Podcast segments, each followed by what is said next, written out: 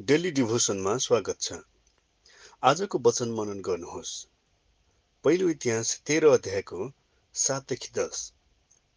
तिनीहरूले अभिनादबको घरबाट परमेशको सन्दुक लिएर एउटा नयाँ गाडामा राखे र उज्जाह र अहियोले चाहिँ त्यो गाडा हाँक्दै लगे। दाउद र सबै इसरायलीहरू परमेशको सामु गीत वीणा सारङ्गी खैजडी झाली र तुरही त खुब जोसले रमाए। तिनीहरू किदनको खलामा आइपुग्दा ती गोरुहरूले ठक्कर खाए र उजाले सन्दुक समात्न आफ्नो हात बढाए। तर परमप्रभु उज्जासँग क्रोधित भएर तिनलाई प्रहार गर्नुभयो किनभने तिनले आफ्नो हात बढाएर सन्दुक छोएका थिए। यसैले तिनी परमेशको सामुने त्यही नै मरे। राजा दाउदले इसरायललाई एकीकृत गरिसकेपछि यरुसलेममा सन्दुक फर्काएर ल्याउने इच्छा गरे।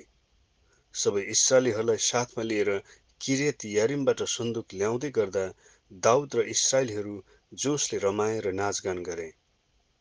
सन्दुक अब किदोन भन्ने ठाउँमा आइपुग्दा गोरुहरूले ठेस खाँदा सन्दुक बोकेको गाडा हल्लियो र सन्दुक अब भुइँमा बजारिन लाग्यो।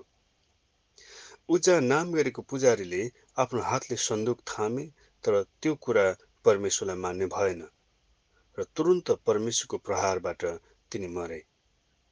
उज्जाले हात बढाएर सन्दुक थाम्नु नराम्रो कुरा थियो। वास्तवमा सन्दुक जुन तरिकाले ल्याइनु पर्थ्यो त्यो तरिका अपनाइएको थिएन। सन्दुक बोक्ने विशेष तरिकाहरू थिए। पवित्र सन्दुकलाई हातले नछुइकन यसका कुनाका मुन्द्राहरूमा डन्डी हालेर लिबिहरूले बोक्नु पर्थ्यो। तर त्यसो गर्नको सट्टा हठात गाडामा हालेर गोरुहरूद्वारा ल्याइँदै थियो। जुन कुरा परमेश्वरलाई स्वीकार हुने कुरै भएन।